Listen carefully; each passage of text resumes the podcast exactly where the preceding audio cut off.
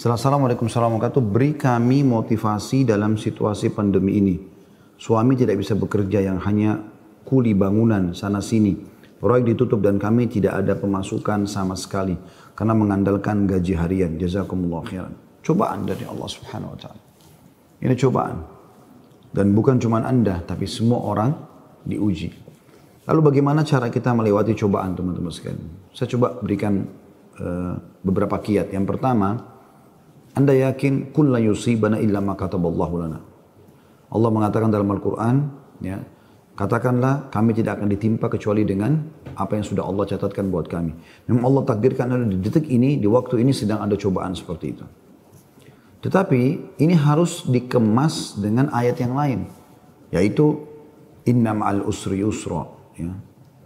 Fa inna ma'al usri yusra. Sungguhnya di setiap kesulitan akan ada kemudahan, di setiap kesulitan pasti ada kemudahan. Jadi saya yakin Anda masih banyak memiliki kemudahan. Seperti misalnya Anda masih bisa bernafas, masih bisa melihat, masih bisa mendengar gitu kan. Dan Allah alam mungkin Anda juga sampai hari ini 8 hari Ramadan Anda masih bisa ya, hidup puasa, makan dan seterusnya. Tapi mungkin kekurangan karena pendapatan yang biasa rutin datang ini sudah nggak ada. Mungkin juga Allah Subhanahu wa taala menggerakkan beberapa hamba-hambanya yang memenuhi kebutuhan Anda. Teman-teman, coba bergantung kepada Allah sang pencipta. Dan jangan ragu tentang masalah itu. Bergantung kepada Allah Subhanahu wa taala. Saya ingin berbagi sebuah kisah. Menukil sebuah kisah seseorang yang sangat susah hidupnya ini dari orang-orang kisah klasik dulu tentunya. Dia sangat susah sekali hidupnya. Dan saking susahnya sampai dia bilang, uh, dia ceritakan dirinya, saya cuma hidup dari pendapatan harian saya. Dia bilang satu waktu, saya keluar, ingin mencari rezeki, pada hari itu betul-betul tidak ada sumber rezeki. Kenapa yang saya dapat hari itu, hari itu, itu yang dipakai makan gitu. Dia bilang saya sudah keliling sana sini tidak ada makanan. Dan sampai saya tidak pulang ke rumah sampai di awal malam selepas isya lebih. Istri sama anak saya sudah menunggu. Kemudian saya pun pulang ke rumah. Begitu pulang ke rumah dibuka pintu disambutlah oleh anak dan istri. Dengan harapan selain menemui saya juga dia berharap mereka berharap bisa ada makanan dan minuman seperti biasa. Tapi karena istri saya melihat di tangan saya tidak ada sama sekali bekal apa-apa, maka saya pun duduk kemudian diberikan air putih lalu dia bertanya, apa hari ini nggak ada bekal makanan? Lalu saya menjawab, sama sekali saya nggak temukan pekerjaan. Saya tidak tahu harus mencari di mana lagi. Lalu kata istrinya, lalu apakah kita harus tidur dalam kondisi kelaparan? Saya sama anak-anak betul-betul belum makan sama sekali dari pagi gitu. Maka kata dia, baik, saya istirahat sejenak, baru saya akan keluar cari rezeki lagi. Mudah-mudahan malam ini Allah berikan kepada kita. Kata istrinya, baiklah kalau gitu. Subhanallah, tanpa mengenal letih, laki-laki yang soleh ini dia keluar dari rumahnya. Dan waktu dia keluar sudah masuk kalau kita sekarang jam 12 malam. Zaman dulu belum ada lampu kayak kita sekarang. Mungkin di jam 10 malam aja kalau kita sekarang itu sudah zaman dulu orang sudah tidur semua. Gelap. Maka dia pun jalan, dia tidak tahu mau ke mana sambil dia berdoa kepada Allah SWT, Ya Allah, ke mana langkah kakiku ini? Aku sendiri belum makan seharian, anak istriku juga belum makan. Berikanlah kami rezeki. Sambil berjalan, dia bilang mata saya tiba-tiba melihat sebuah masjid. Di sekitar rumahnya, tidak jauh dari rumahnya. Gelap, nggak ada lampu kan. Zaman dulu belum ada lampu. Orang pakai sumbu, pakai minyak, dinyalakan. Kemudian baru terang itu pun sangat kecil penerangannya sebagaimana kita tahu kalau pakai sumbu. Maka dia coba nyalakan api, menyala, kemudian dia wudhu, dia sholat. Dia tidak tahu harus buat apa lagi. Mulai ada sholat. Habis sholat dia berdoa kepada Allah subhanahu wa ta'ala. Supaya dimudahkan, dikasih rezeki, dikasih segala macam. Dan dikeluarkan dari masalah kemiskinan ini. Setelah itu subhanallah terjadi pada malam itu. Penguasa di wilayah itu. Kalau kita bisa bahasakan rajanya. Gelisah nggak bisa tidur. Dan seperti orang ketakutan akan meninggal dunia. Hatinya terdorong untuk bersedekah. Maka dia mengambil beberapa kantong isinya emas. kan? Lalu dibawa sama dia dan dia bilang, Ya Allah, hatiku sangat gelisah. Aku takut meninggal sementara aku masih belum memiliki bekal yang cukup bertemu denganmu. Maka izinkanlah hambamu ini bersedekah di jalanmu. Dia bawa berapa banyak karung yang dia bisa bawa, karung-karung kecil, bungkusan emas semuanya. Dia naik kuda dan dia mengatakan, Ya Allah, dan aku minta petunjuk kepadamu. Aku tidak akan memegang tali kekangan kudaku ini, aku biarkan jalan. Raja tidak minta dikawal oleh siapa pun. Tergerak hatinya begitu. Subhanallah dia jalan. Jalan. Subhanallah ya, Maha Suci Allah kisah nyata ini menjelaskan kudanya berhenti di masjid yang ada orang soleh tadi yang susah itu. Dia juga heran, kudanya masuk di halaman masjid, diam di situ. Dia turun, apa ini rahasianya? Kenapa Allah datangkan ke masjid ini? Dia bilang, saya masuk ke masjid gelap. Cuma ada satu saja sumbu lampu, ya sumbu lilin. Kemudian saya mendengar seperti ada orang suara, ya, orang yang berbicara. Saya coba mendekati suara itu ternyata orang yang sedang berdoa. Nah tadi orang yang miskin itu berdoa. Ya Allah mudahkanlah rezeki. Saya sudah seharian tidak makan sama anak istri saya. Berikan kami rezeki. Saya tidak tahu harus ke mana lagi. Saya mohon kepadamu. Dia rengek-rengek sama Allah. Raja ini dengar. Maka raja itu menegur si orang tadi miskin ini. Setelah salam dijawab salam dia mengatakan. Si raja ini bilang saya dengar tadi keluhanmu kepada Allah subhanahu wa ta'ala. Saya kebetulan bawa beberapa kantong uang emas. Saya akan berikan kepada kamu sebagai sedekah. Dan ketahuilah saya raja di wilayah ini. Saya tadi gelisah, ingin sekali keluar dan bersedekah dan Allah tunjukkan saya ke masjid ini. Mungkin kaulah yang Allah maksudkan. Saya bilang lalu saya lalu saya akan berikan kepada kamu uang ini sebagai uh, apa uh, sedekah di jalan Allah Subhanahu wa taala antara kita berdua dan yang ketiganya Allah. Dan saya berharap apa pun yang kau butuhkan, datanglah ke istanaku setiap saat. Saya yakin Allah yang menggerakkan saya bertemu dengan kamu. Subhanallah orang miskin ini luar biasa kalau punya keimanan. Apa yang dia bilang? Wahai Tuhan, kalau seandainya saya pun masih punya kebutuhan selain apa yang anda akan berikan kepada saya ini, maka saya tidak akan datang minta kepada anda. Tapi saya akan minta kepada Allah yang telah mengirim anda datang kepada saya. Closing kisah ini coba diambil pelajaran baik-baik. Ada kisah yang lain, ini dihadiri oleh Imam At-Tabari.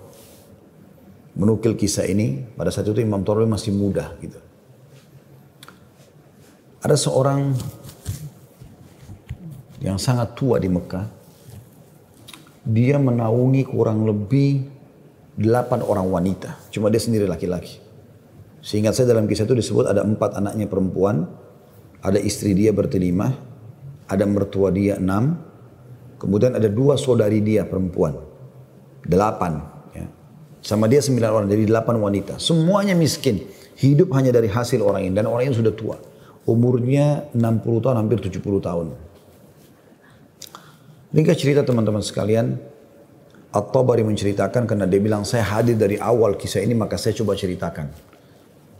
Dia bilang ada seseorang yang tua, miskin, saya melihat dua lalang di sekitar Masjidil Haram di Mekah ya, di musim haji. Dia coba mencari sesuap nasi gitu kan. Kata Imam Tabari. Kemudian dia tidak temukan. Lalu dia pulang ke rumahnya. Imam Tabari tertarik untuk mengikuti orang ini sampai akhirnya tiba di rumahnya. Dan dia lihat keadaannya orang ini susah, miskin sekali gitu. Yang jelas dia ditanya oleh istrinya, mirip dengan kisah tadi, apakah ada makanan buat kita hari ini? Kebetulan waktu itu awal Ramadan di Mekah. Mereka tadi sahur, tidak ada makanan sekarang mau buka puasa juga nggak ada makanan. Maka dia bilang saya sudah coba tadi keliling mencari makanan buat kita buka puasa tapi nggak ada. Kemudian dia bilang coba saya keluar lagi. Keluarlah orang tua ini jalan jauh dari rumahnya. Apa kira-kira yang harus dia lakukan? Dia harus kerja ke mana sambil bermunajat kepada Allah. Ya Allah berikanlah rezeki. Sampai karena dia capek dia duduk di sebuah pohon, dibawa sebuah pohon, dibawa sebuah pohon. Kemudian dia sengaja tangannya dia menyentuh tanah yang ada di situ. Kemudian dia menyentuh seperti satu barang keras gitu.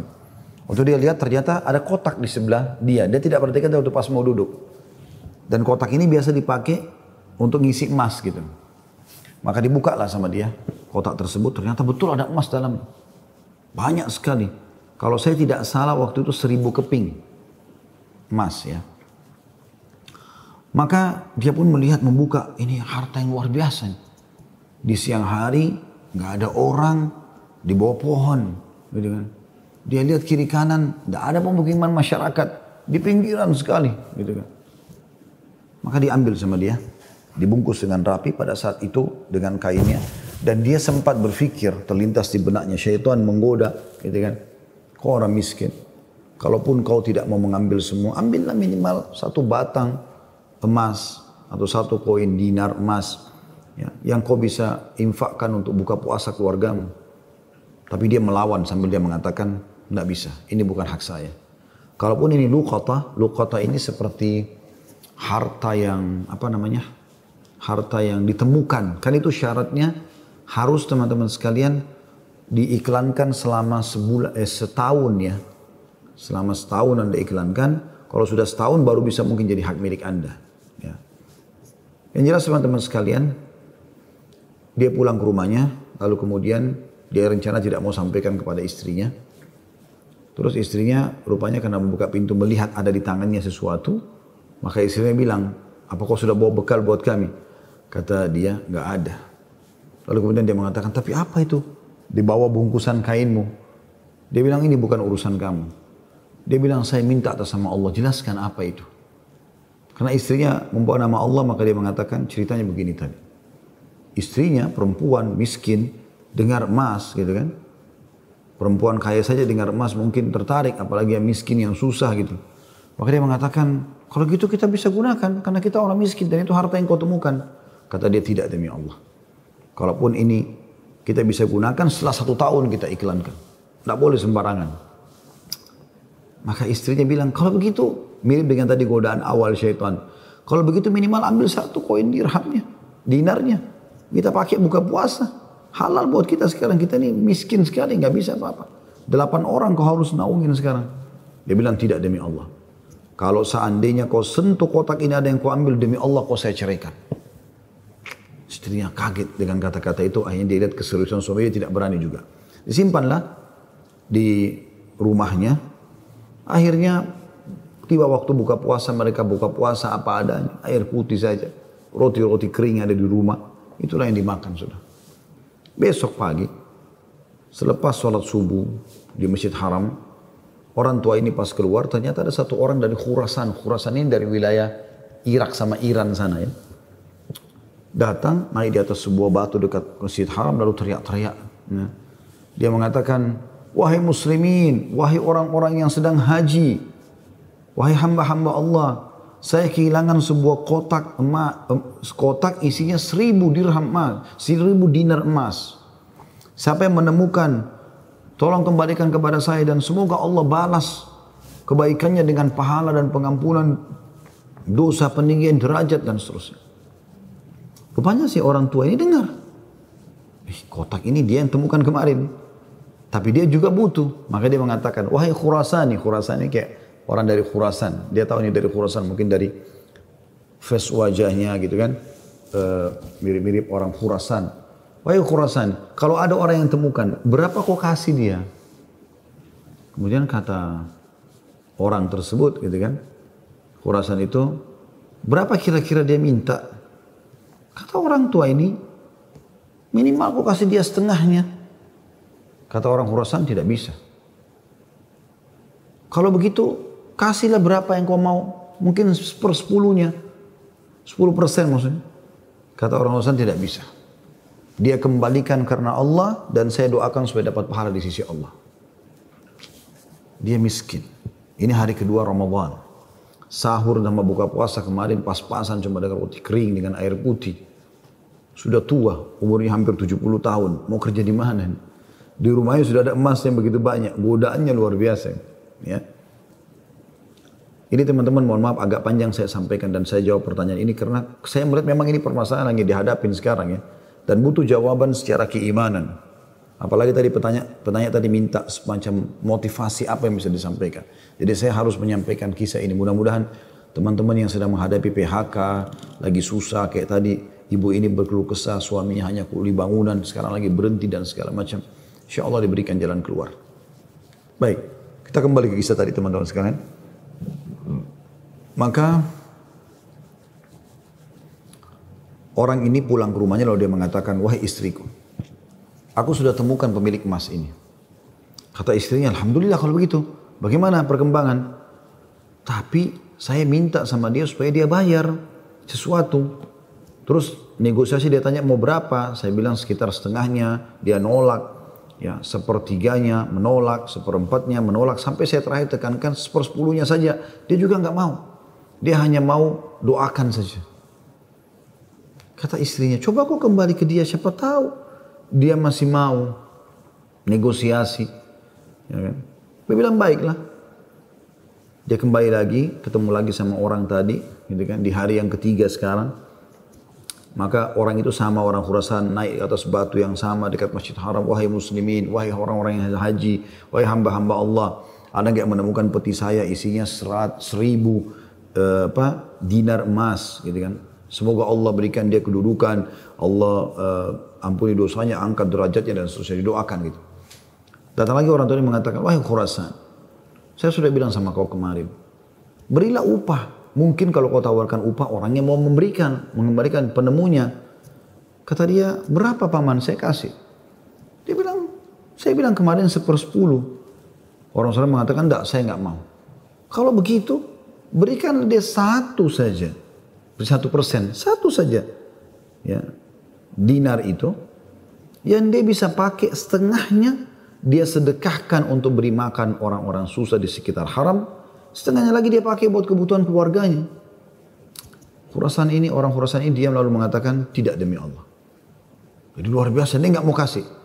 Pokoknya dia kembalikan utuh, ya, atau nggak usah.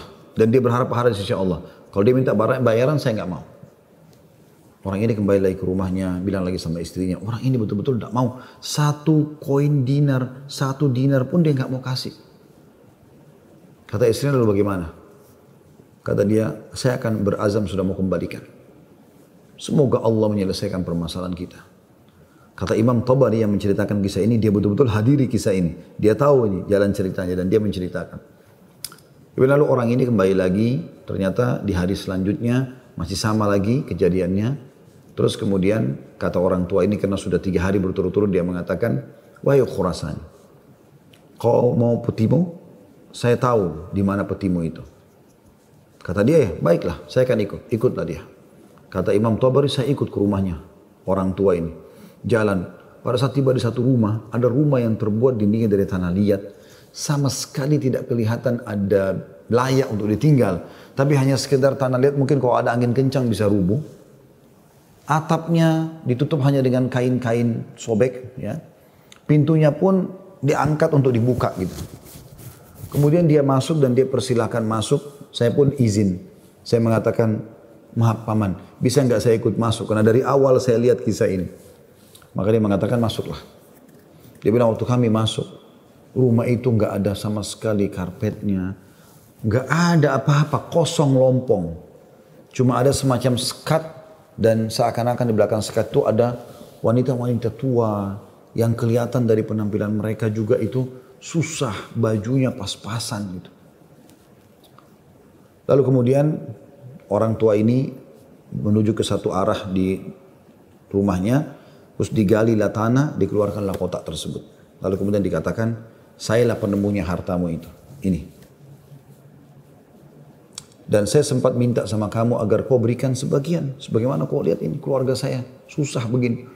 Saya sini sembilan orang di rumah kecil ini, saya sendiri laki-laki dan umur saya sudah hampir 70 tahun sementara ini istri saya ada di sini juga sudah tua. Ada e, mertua saya ada dua saudari saya ada empat anak saya. Mereka semua miskin gitu kan. maka orang Khurasan itu mengatakan dia buka dia periksa ternyata masih utuh seribu dia mengatakan tidak. Saya tidak akan memberikan apa-apa. Lalu kemudian dia angkat lalu dia keluar. Saya cuma bisa doakan kamu kebaikan Waktu dia keluar, kata Imam Tabari, semua perempuan-perempuan tadi yang tua-tua ini ada yang memang bajunya rusuh. Seperti orang yang menggigit jari dan kaget ada orang diberikan kembali seribu dinar, tidak dibayar sedikit pun. Dan tokoh kita ini luar biasa, dia hanya mengatakan inna lillahi wa inna ilaihi rajiun. Dah, kalimat istirja ini musibah ya, sudah mendapatkan apa dan dia betul-betul jujur dia jaga dia nggak ambil karena takut kepada Allah swt. Dia bilang sementara itu kata Imam Tori bilang saya tidak tahu mau bilang apa. Saya pun menundukkan kepala, serba salah karena waktu itu Imam Tabari masih muda dan belum punya apa-apa gitu. Dia juga membantu, membantu apa gitu. Dia bilang, tiba-tiba ada yang ketuk pintu. Lalu pemilik rumah ini buka, ternyata orang Khurasan tadi kembali lagi. Kata dia, ada apa wahai Khurasani? Ya, istilahkan Khurasani maksudnya nisbat kepada negeri Khurasan itu ya. Kata orang Khurasan itu, bisa saya masuk? Kata dia, baik silahkan masuk. Masuklah dia. Kemudian dia mengatakan begini ceritanya. Saya ini punya seorang ayah yang meninggalkan tiga peti emas seperti ini.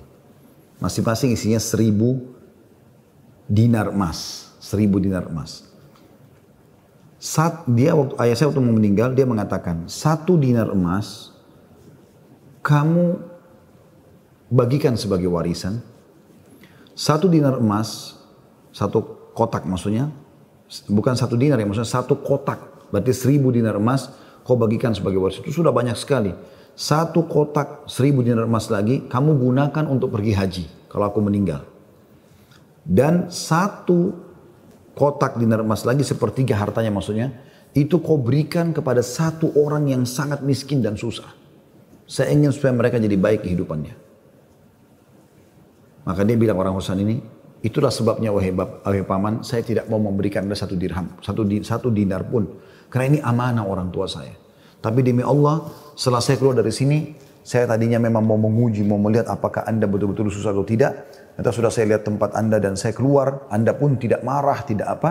Maka saya melihat Anda orang yang paling layak untuk menerima. Maka ambillah ini semua sedekah atas nama ayahku. Kata Imam Tabari, tiba-tiba orang itu taruh, kemudian dia lari, pergi. Saya berusaha mengejarnya, ingin mengucapkan terima kasih bersama pemilik rumah, kami sudah tidak bisa melihatnya, dia sudah hilang orang itu. Kemudian saya pun dipanggil kembali oleh pemilik rumah, duduk, kemudian dibuka lah pada saat itu kotak itu, lalu mulai dia panggil ke delapan wanita yang ada di rumahnya itu.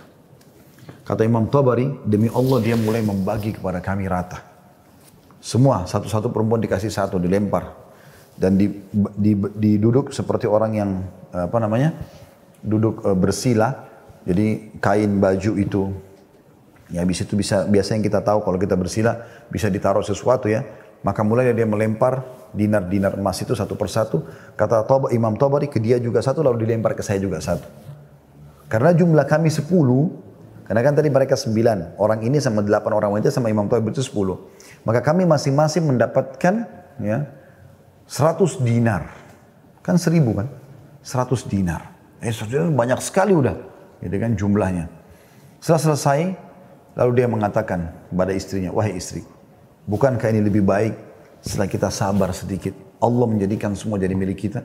Daripada kemarin kamu ambil satu dinar tapi haram. Kemudian dia balik kepada saya, kata Imam Tabari dan dia mengatakan, demi Allah, baju ini yang saya pakai, dia bilang, hanya ini baju yang utuh di rumah kami. Sebagaimana kau lihat baju-baju ini semua yang dipakai oleh keluargaku, tidak ada yang layak dipakai sholat. Jadi kalau waktu sholat tiba, saya sholat dulu, kemudian saya sembunyi di satu tempat, baju ini saya buka, dipakai oleh istri saya, dipakai sholat. Habis itu dibuka, dipakai sholat oleh oleh mertua saya, dibuka, dipakai sholat oleh saudari saya, oleh anak saya. Satu baju. Kata Imam Tabari, saya berterima kasih padanya, kemudian saya pergi. Saya menemukan harta itu sangat berkah dalam hidup saya, dia bilang. Dan saya pada saat itu ingin berterima kasih, saya ingin membeli sesuatu yang bisa dipakai buka puasa, maksudnya datang ke tempatnya dia. Saya temukan ternyata perempuan-perempuan yang tadinya mereka bajunya kumuh, sudah berganti baju, mereka bawa makanan-makanan, mereka buka puasa dengan dengan light. Kemudian saya pulang, dia bilang kata Imam Tabari, Beberapa tahun kemudian saya datang lagi ke Mekah, saya, saya datang ke alamat yang sama, rumah itu sudah tidak ada, saya cari tahu ternyata orang tua ini sudah meninggal, dan saya temukan anak-anaknya yang perempuan empat itu semua menikah dengan tokoh-tokoh masyarakat Mekah orang-orang kaya, dan keluarga mereka menjadi orang yang mampu semuanya. Butuh kesabaran, butuh kesabaran akhi dan ukhti. Yakinlah, Allah tidak akan membuat kita susah. Allah tidak ingin itu.